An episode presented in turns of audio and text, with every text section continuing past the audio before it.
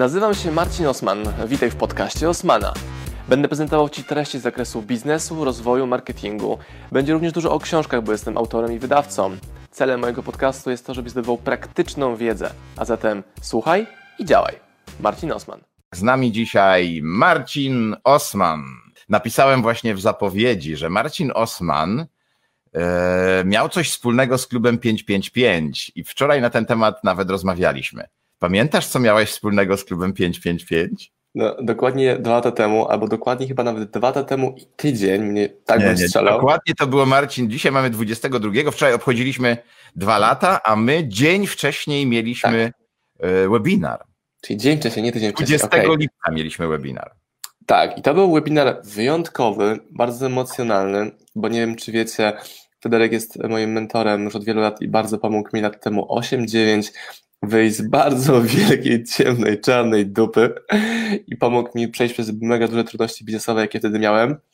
I e, zrobiliśmy dwa lata temu webinar, który w jakiś sposób zamknął ten mój mentalny, ciężki czas, bo spotkałem się z dużą ilością hejtu wtedy i zrobiliśmy webinar, którego celem było stanąć właśnie naprzeciw tym wszystkim ludziom, którzy atakują mnie w jakiś tam sposób i pamiętam, że to był jeden z najbardziej emocjonalnych, ważnych, mocnych webinarów, przez wiele osób jeszcze później długo wspominanych i na końcu tego webinaru Federek zakomunikował, że hej, a może byśmy się spotkali jutro o 6 rano i rozpoczęli razem dzień. No i się spotkali, od dwóch lat już się spotykają i są 2000 osób dzisiaj jest na live, było pewnie nieraz znacznie więcej. No więc spotkaliśmy się w Wigilię spotkania pierwszego klubu. Jeszcze wtedy nie, na, nie było nazwy 555, tylko było hej, jutro o 6 rano, ktoś przyjdzie? Tak, jutro klub godziny 6 miało najpierw to być i w ogóle spotkajmy się. Ja, ja mam jedno pytanie do ciebie, którego ci nigdy nie zadałem, a teraz go chciałbym zadać, mianowicie co ty sobie wtedy pomyślałeś, jak ja powiedziałem, choć, chociaż spotkamy się jutro o godzinie 6. Jestem naprawdę ciekawy, co taki Marcin Osman sobie pomyślał, tego karzełka to chyba Chrystus opuścił, albo coś w tym rodzaju. Nie, pomyślałem, że cię Chrystus opuści, jak powiedziałeś, że to będziesz robił codziennie.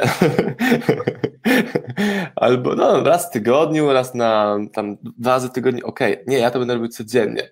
Ja mówię, Federek, czy ty jesteś tego pewien? E, e, Nie, ale to zrobię. No i minęło dwa lata od tego, od tej decyzji. Słowo decyzja zawsze kojarzy się z tobą. To jest pomysł, implementacja. To jest decyzja. Decyduję, że coś zrobię i to kurde robię. E, No, no. I też pokazuje mi to, że czas i tak minie. Pytanie, co z tym czasem zrobimy. Mi się kiedyś wydawało, że nie mogę mieć psa, bo nie mam na to przestrzeni. Ale gdzieś tam chciałem tego psa mieć. No i co? Już mam psa od półtorej roku. A nie myślę o tym, żeby mieć psa. Masz klub od dwóch lat. Nie myślisz o tym, żeby mieć klub, tylko go po prostu robisz. Zrobiłeś mega. Ja nie, wiem, ja nie wiem, czy ty wiesz w ogóle to, bo chyba nie, nie rozmawialiśmy na ten temat, albo może gdzieś to tam przemknęło, ale ja na zakończenie klubu, czyli tego wyzwania 555 dni, co wydawało się rzeczą, wiesz, wtedy Mhm. absolutnie, absolutnie nie, niemożliwą, gdzie 555 dni codziennie o 5.55 zrobiłem to i wtedy powiedziałem, że na koniec klubu, w ostatni dzień, tyle ile, ile będzie osób na żywo, o tyle dni przedłużę klub 555. To znasz to, nie? Czy nie?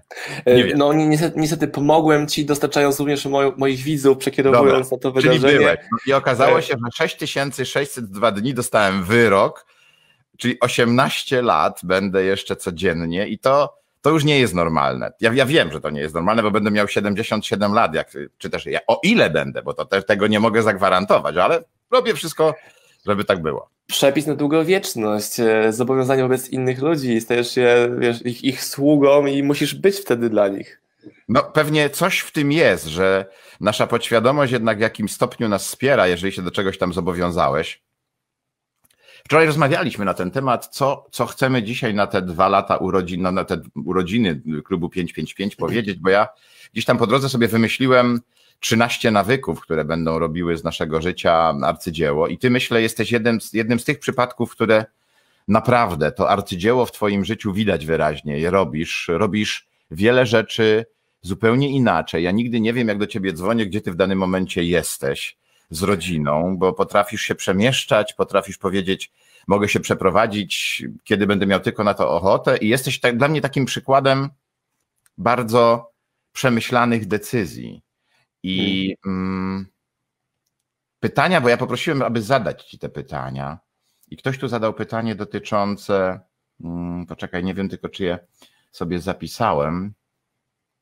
Ktoś zapytał o to, jak to było, jak, czy często, czy, czy wracasz jeszcze do tego momentu w życiu, kiedy działo się naprawdę źle i jak dzisiaj myślisz o tym czasie, bo na przykład ja zawsze opowiadam historię takiego gościa Niemca, który gdzieś tam ponad 25 lat temu skoczył z wodospadu i poszedł mu tam kręg, któryś, e, zeń kręgowy na wysokości piątego kręgu i, i wylądował w wózku i dzisiaj powiedział, gdybym dzisiaj stanął z powrotem na tym wodospadzie, to i tak bym skoczył, bo, bo nie wiem, co by było gdyby. Jak ty dzisiaj przez pryzmat tego, tych 8-9 lat patrzysz na te wydarzenia, wtedy co się stały, kiedy Pamiętam dokładnie, ja nawet pamiętam, gdzie byłem, kiedy ty do mnie pierwszy raz zadzwoniłeś. Byłem w moim gabinecie, kiedy była naprawdę panika i działo się dużo. Potem pogadajmy na ten temat, Marcin. Pewno, oczywiście. Co ty pewno, dzisiaj pewno. o tym myślisz, co się Wiesz, stało 8 lat temu? Ja na te pytania mogę odpowiadać cały czas cytatami i to będą cytaty z Fryderyka Karzełka. I cytat będzie taki, że dopiero z czasem to doświadczenie staje się doświadczeniem, które doceniasz. Czyli to, co się działo teraz w COVID-zie, to było, ja byłem na to przygotowany tym doświadczeniem wtedy, czyli mi w covid nie upadła firma, nie musiałem zwalniać, nie musiałem zamykać, nie musiałem likwidować, nie miałem długów. Ja to miałem lat temu właśnie 8-9, może nawet sprawdzić, kiedy to było, już nawet co się zaciera dokładnie, to było 8 czy 10 czy 9,5, to nie ma żadnego znaczenia. I ty powiedziałeś mi, że to będzie takie znamie, które z tobą na zawsze zostanie.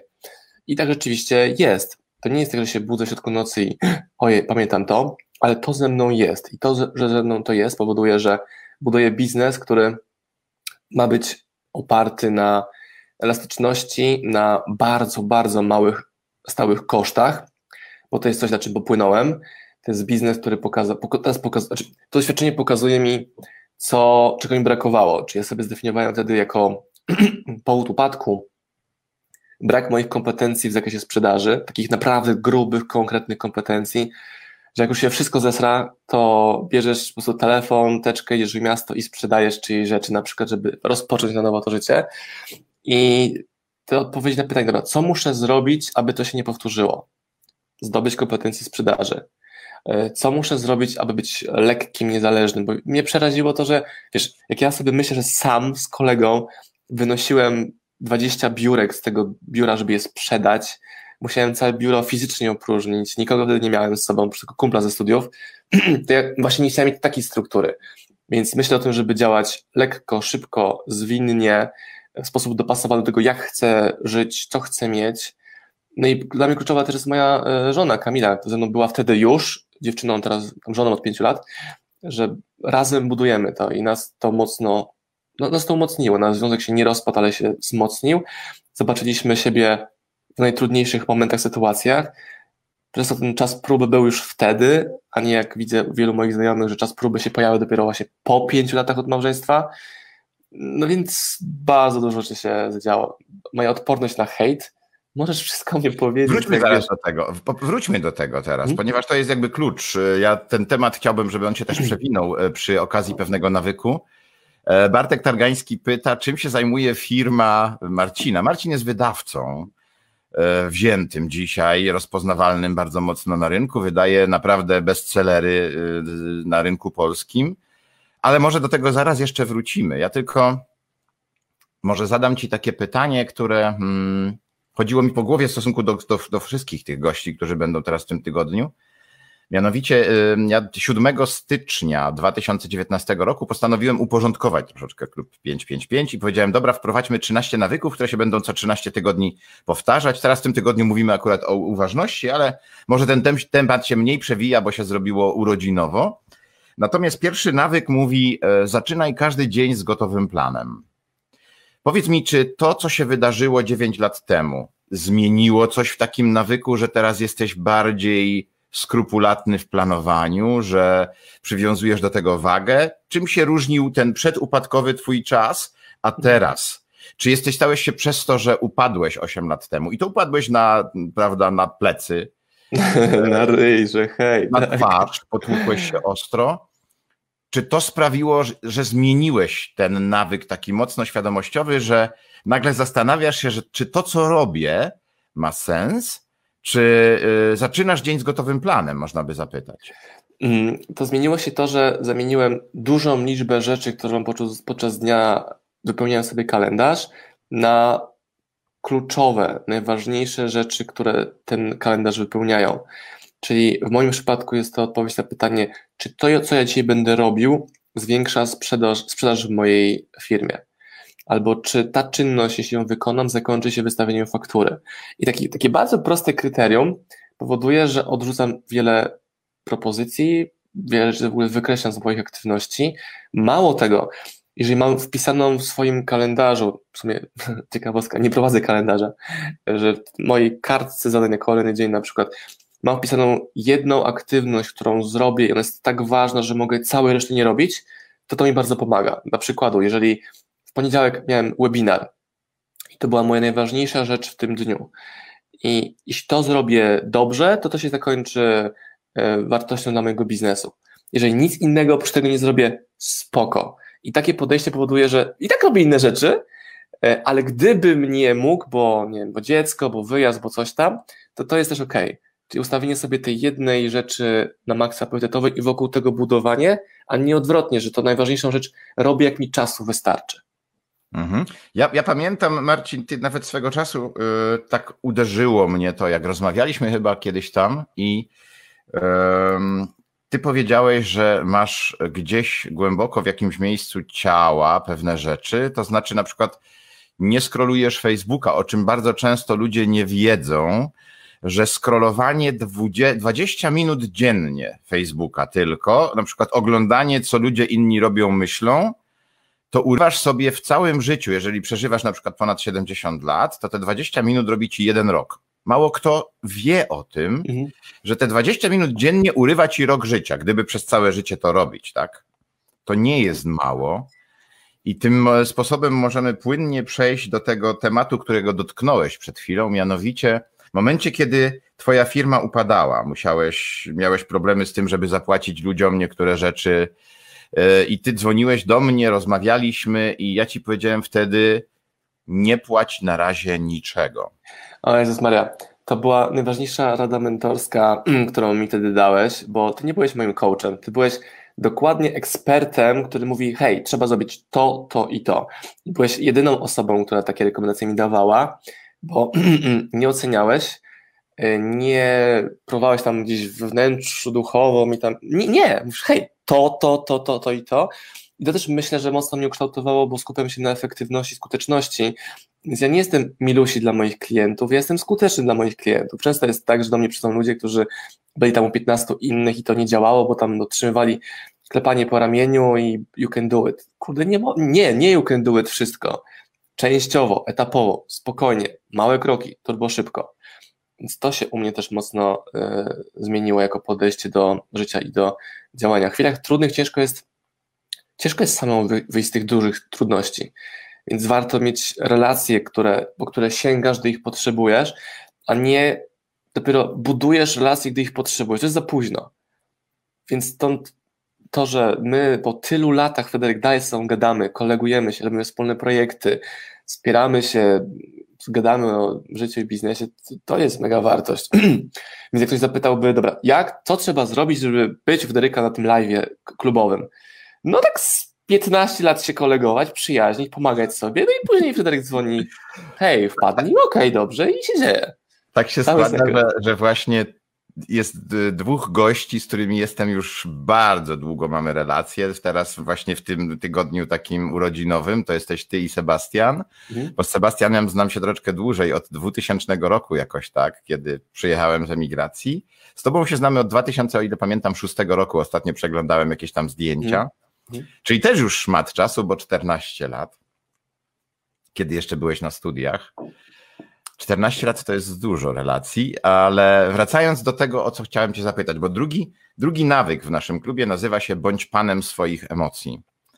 O, to e... mam mega historię. Kurczę, siedzimy w sali e, AGH na warsztacie o nazwie Inteligencja Emocjonalna. W sali tam jest 20 osób i jest taki pan, takim charakterystycznym głosie, wtedy chodził jeszcze nie w kwiacistych koszulach, ale w marynarkach. On mówi, czym ta inteligencja emocjonalna jest. I po Jezus, dokładnie pamiętam, jakbym, wiesz, zamyka oczy i co się działo teraz, jak do mnie podszedłeś, zapałeś mnie za krawat, podniosłeś, aż musiałem wstać. No, i co teraz zrobisz? Jak zareagujesz? Jak jest Serio takie coś zrobiłem? Tak. To niezły crazy byłem wtedy. O, byłeś? Chyba teraz bardziej jesteś crazy. Kolorowe koszule, piąta rano, chodzę w pielgrzymkę na koniec świata. E, no i dokładnie to pamiętam. Wiesz, teraz mi to przypomniało. Nie, nie, że myślałem o tym zawsze. To, jest, to są momenty, w których czujesz jakby patrzeć na swoje życie z lotu ptaka, tak wychodzisz się i patrzysz obok, tak to właśnie wyglądało. Tak samo było z tym webinarem lat temu dwa, którym wspomnieliśmy na początku. Takie ważne momenty, silne i to zapamiętujesz. No to powiem ci, naszło mnie teraz takie pytanie, że chyba e, większość właśnie ludzi boi się, i to było przy okazji tego twojego hmm. wydarzenia 8 lat temu też, że ten e, adwokat ci powiedział, jak wyjść z tego problemu w sposób normalny. A ja ci powiedziałem rzeczy absolutnie nienormalne, które mało kto na to wpada w ogóle, ale tak się złożyło, że ja to miałem za sobą i Właśnie, przez to. Natomiast bycie panem swoich emocji oznacza mieć odwagę robienia rzeczy, których nikt nie robi. To jest mm. dla mnie również zapanowanie nad emocjami. I pamiętasz, to było to, kiedy ty się zderzyłeś z falą hejtu na początku, kiedy naprawdę. Zresztą ja też mam jakiegoś hejtera, który gdzieś tam za wszelką cenę próbuje e, w internecie podważyć moją wiarygodność, moją markę i tak dalej, ale ja na to nie reaguję w ogóle. Po prostu. I teraz właśnie to jest to pytanie do ciebie. Jak, jak radzić sobie z twojej perspektywy po ośmiu latach teraz od tamtego wydarzenia, jak radzić sobie z tym, że ktoś cię nie lubi, nienawidzi? Wiesz, co jest najśmieszniejsze, że on poświęca mnóstwo czasu, żeby ci dokopać.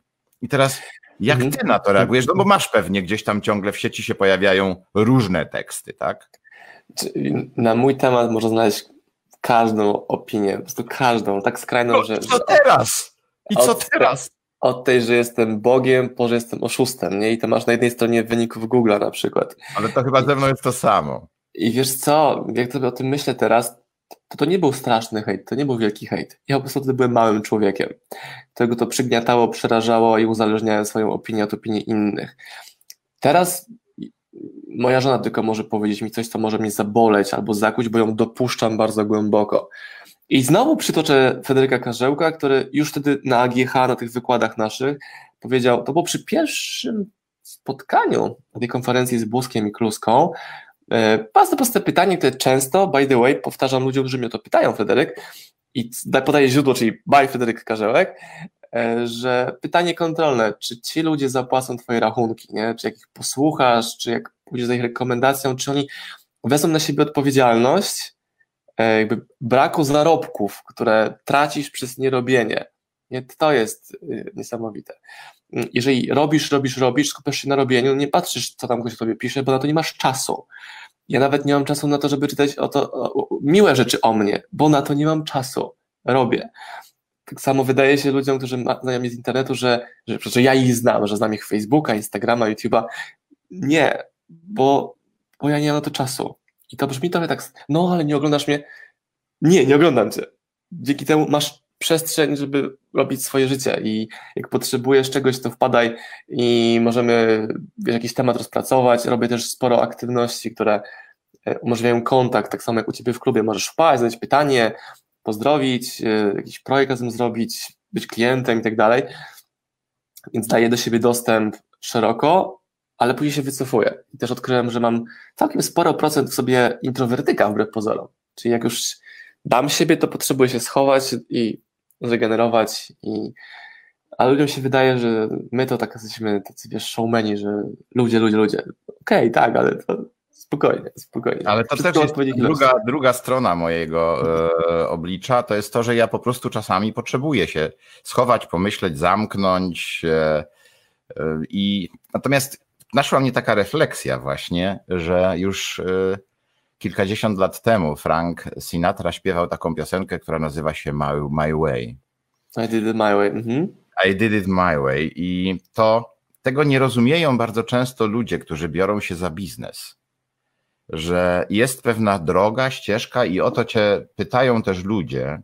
Na przykład napisał Dominik Ciemierz, zapytał, e, chciałbym cię zapytać, czy to, co robisz teraz, możesz nazwać swoim sensem istnienia? Kiedy poczułeś, że to jest twoja droga?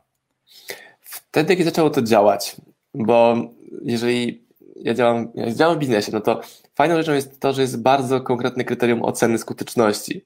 Albo masz sprzedaż, albo jej nie masz.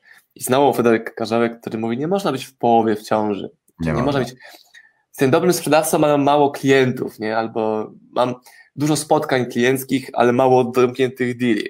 No, oceniasz, czy masz wyniki, czy nie masz. No i u mnie zaczęło się od, od tego, że e, napisałem książkę, sprzedałem pierwszy egzemplarz, drugi, trzeci, piąty, piętnasty, tysięczny, trzytysięczny, dziesięciotysięczny.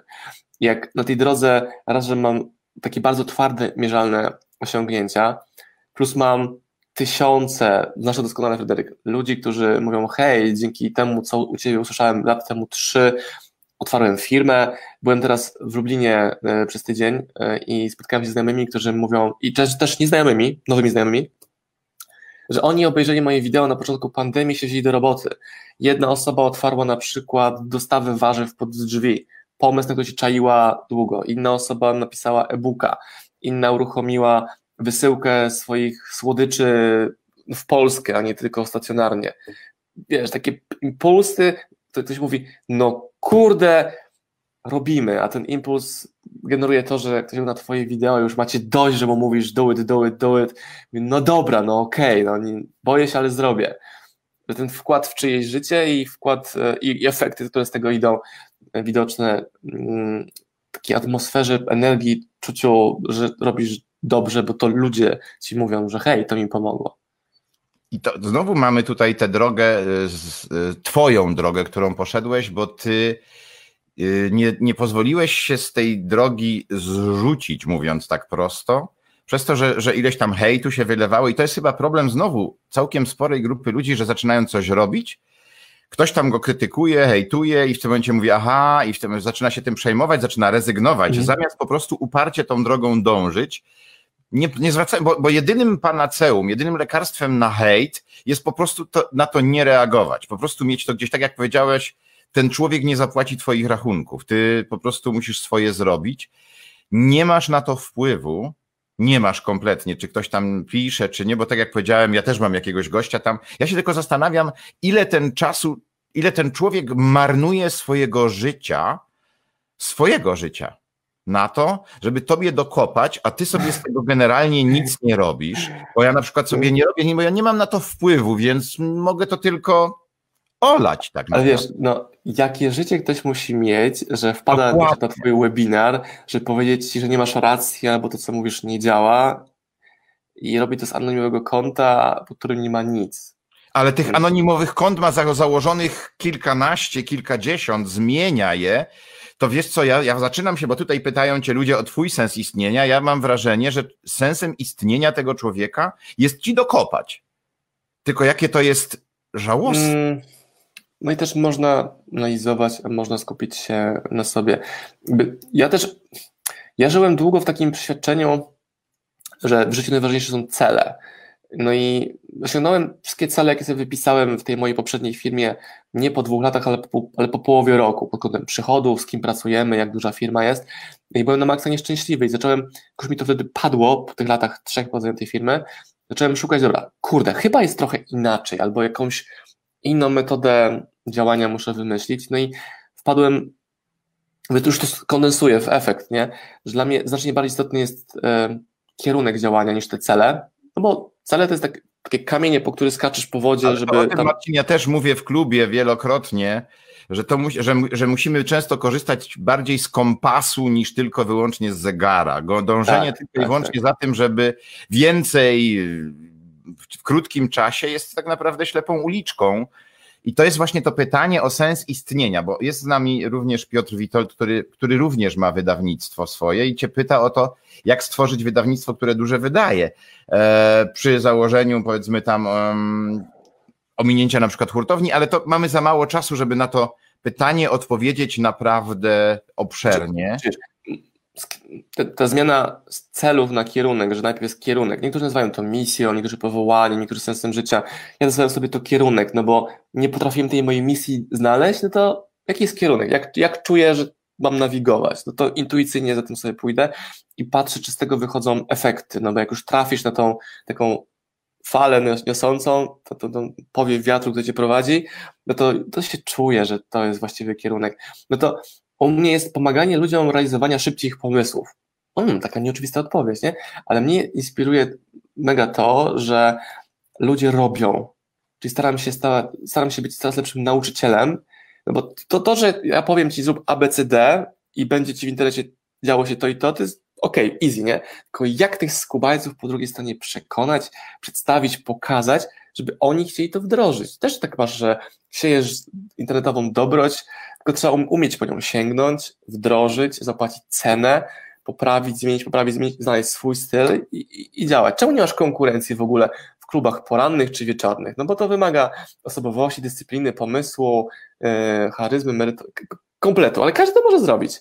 Każdy może napisać książkę, każdy może stworzyć wydawnictwo.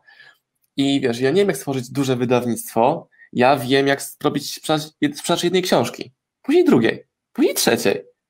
I ludzi paraliżuje to, że nie potrafią sprzedać palety książek. No, nikt nie potrafi na początku. Ja na początku chciałem zamówić 300 egzemplarzy mojej książki, tylko pani w drukarni mówi mi, że panie Marcinie, koszt 1000 egzemplarzy jest niewiele większy niż 300. No dobra, okej, okay, boję się, ale dobra, idziemy w to. No i gdyby nie to, no wydrukowałbym 300 egzemplarzy mojej pierwszej książki, czyli by the way, bardzo mało. Jak, to jest pytanie, które będzie dzisiaj zwieńczeniem tego, bo moglibyśmy bardzo długo, długo rozmawiać, a klub ma, ma swoje ramy i tak za, nie chce za bardzo przekraczać tej, tej, e, tego czasu, e, pół godziny, troszeczkę i tak przekroczymy. Natomiast Mariola e, Raczka zapytała, Marcin, jak radzisz sobie właśnie z samodyscypliną? Bo powiedziałeś o tym mm. przed chwilą. Użyłeś tego słowa, dla których dla większości ludzi słowo samodyscyplina to jest coś pomiędzy biegunką, e, rozwolnieniem, a wizytą u dentysty po pięcioletniej nieobecności. I to jest właśnie samodyscyplina dla wielu ludzi, że po prostu nie reagują na to, czy też reagują w sposób niewłaściwy. Jak sobie ty poradziłeś z tym? Bo ty masz parę fajnych tekstów i ja cię często też cytuję i pewnie to powiesz zaraz. E, wiem, do tego tekstu zmierzasz, a powiem trochę inny. Dostałem Dobre. takie pytanie kiedyś na, na scenie od uczestnika, no, że się nie może zmotywować, że coś tam, że jest mu ciężko. Tak gość miał pod trzydziestkę, nie? I tak słucham tej wypowiedzi i tak pojawił się taki impuls do powiedzenia czegoś, czego w ogóle nie recenzujesz, tylko mówisz. Jaka jest porada na to? On mi pyta. Ja powiedziałem jednym słowem. Dorośnij. Była taka cisza na sali ja doprecyzowałem, co ja rozumiem przez dorosłość. No to robienie rzeczy, które trzeba zrobić. Mam córkę od półtorej roku, Oliwkę, śpi na górze i to mi wystarczy, żeby robić rzeczy, które trzeba zrobić. Czy mi się nie chce? No kurczę, czy tobie się tak chce wstawać codziennie? No pewno, że nie. Czy mi się chce robić webinary po nocach? E, nie. Czy mi się chce nagrywać? Na moim YouTube jest tam blisko tysiąc wideo, ono się samo nie nagrało. Nie chcę mi się tego, to zrobię. Ale z drugiej strony, jeżeli permanentnie, codziennie trzeba sobie mówić, że o Jezus, nie chcę mi się, ale to zrobię, to permanentnie to zdanie jest potrzebne, znaczy, że ta drabina jest przy złej ścianie postawiona, no bo coś jest nie halo. To jest zdanie takie ratunkowe na raz, dwa, trzy, może piętnaście, ale nie jest na pewno mantra życiowa, która codziennie powoduje, że się musisz e, zmuszać, żeby zwlec się z wyrad. Więc pytanie krok wstecz, czemu tak jest? Co trzeba zmienić? Co trzeba poprawić? To, to nie jest jednoznaczna odpowiedź. Każdy dzień jest inny i każdego dnia mam różne myśli i też trzeba sobie z tym e, poradzić ale daje dużo mi przestrzeni to, że staram się minimalnie patrzeć na to, co się dzieje e, na wyborach, ale nie chcę w głębiej te matematy wchodzić, bo wiem, że to nie ma żadnego wpływu na moje życie, że ja muszę skupić na tym, czy ja tymi rękoma zarobię na, na chleb, pampersy i karmę dla psa. Jak tak, to jest ok, możemy iść dalej. To poruszyłeś taki bardzo ważny temat w tej chwili, który chciałoby się pociągnąć, ale już czas nam na to niestety nie pozwala. I tak sobie myślę, że może gdzieś tam musimy dogadać jakiś webinar albo rozmowę, może gdzieś tam e, w sieci, żeby poruszyć te tematy, o których teraz, którego dotknąłeś, mianowicie yy, ludziom się wydaje w pewnym momencie, że ty jesteś jakimś nadczłowiekiem. Mm. A prawda jest taka, i ja byłem teraz ostatnio w UK i, i też y, mm, reakcje na, na moją osobę, bo ja jestem skromnym, naprawdę skromnym facetem i mi się też nie chce czasami, dzisiaj na przykład mi się nie chciało wstać, ponieważ wczoraj spałem 4 godziny w nocy tylko, więc u mnie wiesz, jak się ma taki pesel, to już to trochę trwa potem z 2-3 dni, żeby znowu dojść do siebie. I oczywiście, że miewam takie dni, że mi się nie chce. Co jakiś czas. Ale to, co powiedziałeś, Marcin, teraz, jeżeli nakładamy na to ten, nazwać to sens istnienia, misja, czy też sens tego, co robimy w życiu, to mówię sobie, no tak, to minie, dzisiaj może mi się nie chce, ale robię to, nawet jak mi się nie chce, bo mi się nie chce. Możesz robić tego mantrę i ja zawsze ciebie cytuję właśnie z tego, że robię to dlatego, bo mi się nie chce. To jest genialne zdanie. Ludzie często mówią, no nie zrobię tego, mi się nie chce. Jakby to, co nie chce się było uargumentowaniem, albo no nie mogę tego, nie zrobię tego, bo nie wiem, jak to zrobić. O Jezus Maria, słowo nie wiem, jak to zrobić, pokazuje mi, że ktoś jest no takim, no po prostu ofiarą. Mówi, no ja nie wiem, jak to zrobić. I tak zakłada ręce i tak czeka, aż ktoś mu to rozwiąże, nie? Ja nie wiem, jak to zrobić. Pani gdzieś w sklepie, on, ona nie wie, jak mi ten towar tam wycofać, bo źle nabiła. Ja nie, nie wiem, jak to zrobić. Rzeczy proste, banalne, codzienne, ona nie wie. I już, spoko. Nie wiem, to już nie może się tym w ogóle zajmować. I też wiele osób nie działa, bo no nie, ma mojej nie, nie mam e, tego sensu życia. Nie wiem, co jest moją misją. Nie wiem, co, nie wiem, co jest moim celem. No nie wiem, nie wiem, nie wiem. To co? To nic nie będę robił. Może samo się pojawi. No nie pojawi się, no. Seksperymentowanie to jest sparzenie się nieraz, to jest dostanie w twarz, oby nie dosłownie i to jest eksperymentowanie. I nawiązując do tego, co Jarek napisał, y, powinniście takie spotkanie kontynuować, nawiązując do tego, ciąg dalszy nastąpi, Marcin. Myślę, Służę, że, że ten ciąg dalszy nastąpi, że warto dzielić się tego rodzaju wartościami, jakie ty dajesz, ponieważ w ciągu kilku lat zbudowałeś coś absolutnie wyjątkowego. Yy, zbudowałeś swoją markę niesamowitą. Jesteś rozpoznawalny bardzo mocno, ale tylko ty wiesz, ile kosztowało cię to wysiłku, kręcąc codziennie materiał na YouTube'a, czy będąc transparentnym na Instagramie, to tylko ty wiesz, z czego musisz zrezygnować, żeby to zrobić, bo ty nie skrolujesz y, Facebooka przez y, godzinę dziennie. Zdecydowanie nie, nie ma to w ogóle przestrzeni. Jestem tam rzadko i można jakby celem też pewnie klubu jest to, że w pewnym momencie po prostu zacząć robić swój klub. To jest taka przynośnia, nie? Że po prostu zacząć robić swoje wydać swoją książkę, otworzyć swoją firmę, nie wiem, spotkać się z osobą, którą chcesz się spotkać, nie czaić, zaatakować to szybciej. I to, co, wiesz, to, co bym sobie poradził, no to szybciej atakować te rzeczy, które mnie e, jakby inspirują, ciekawią, nie patrzeć na opinie innych, atakować w taki sposób, że no wychodzić naprzeciwko temu. Pewnie znasz taki film w internecie, gdzie pani stoi, boi się wszystkiego, przed nią stoi wilk, który obrazuje jej strach, ona zdecyduje się biec, wbiega tego wilka, który symbolizuje strach i ten wilk znika, bo go w ogóle nie było nigdy. Strach puka do drzwi, otwiera mu odwaga, a tam nikogo nie było. Mało kto zdaje sobie sprawę z tego, że jest przestrzeń w dzisiejszej rzeczywistości na tyle pomysłów i te najpiękniejsze zazwyczaj nie są realizowane. Szkoda, bo ktoś mm. się po prostu boi, widzi tego wilka i mówi: Aha, mam wilka, mam hejtera, ktoś napisał o mnie źle, ktoś mnie skrytykował, ktoś coś powiedział, i w tym momencie rezygnujemy. I wtedy umierają najpiękniejsze idee. Myślę, że musimy na ten temat coś zrobić jeszcze, Marcin. E, no tak, no i też ludzie bardzo mocno chcą akceptacji, żeby wszyscy ich lubili, podziwiali. Tego nie ma. To się pojawia później, jak już poradzisz sobie z tą potrzebą e, bycia podziwianym i no, mam jeden komentarz negatywny. Jeden to jest nic, nie? Zacznij, poczekaj aż. Ach, wszystko przed tobą, wszystko przed tobą. Marcin, dziękuję Ci za dzisiejszą rozmowę. E, pewnie będziemy do tego wracać przy kolejnych rocznicach, przy kolejnych okazjach, przy kolejnych wydanych dobrych książkach przez Ciebie. Będziemy, będę je polecał na pewno, bo kilka już polecałem Twoich książek tutaj w tym miejscu. Myślę, że te relacje, które posiadamy ze sobą są niezwykle cenne i mało kto wie, że czasami dzwonimy do siebie również, żeby podpytać, żeby zapytać o opinię, ponieważ jesteśmy dla siebie wzajemnie autorytetem, jeżeli chodzi o pewne rzeczy, ale to tak mało kto o tym wie, o tej naszej Jak Badger chyba to pisał, czy, czy Carnegie, że taki trust mózgów to nazwał. Napoleon Hill to nazwał trustem mózgów. Napoleon Hill. Tak, tak. Dziękuję Wam, kochani. Dziękuję Ci, Marcin. Dziękuję pięknie. Myślę, że musimy wrócić do tego koniecznie jeszcze. Dziękuję Wam, dziękuję Marcin. Do zobaczenia, kochani. Trzymajcie się. Jutro o 5.55 się widzimy. Pamiętajcie, mamy tylko jedno życie. Jeżeli je dobrze przeżyjemy, to podobno w zupełności to wystarczy, jeżeli ten jeden raz wykorzystamy naprawdę czas, który mamy do dyspozycji. Do zobaczenia. Trzymajcie się. Dziękuję, Marcin. Do zobaczenia.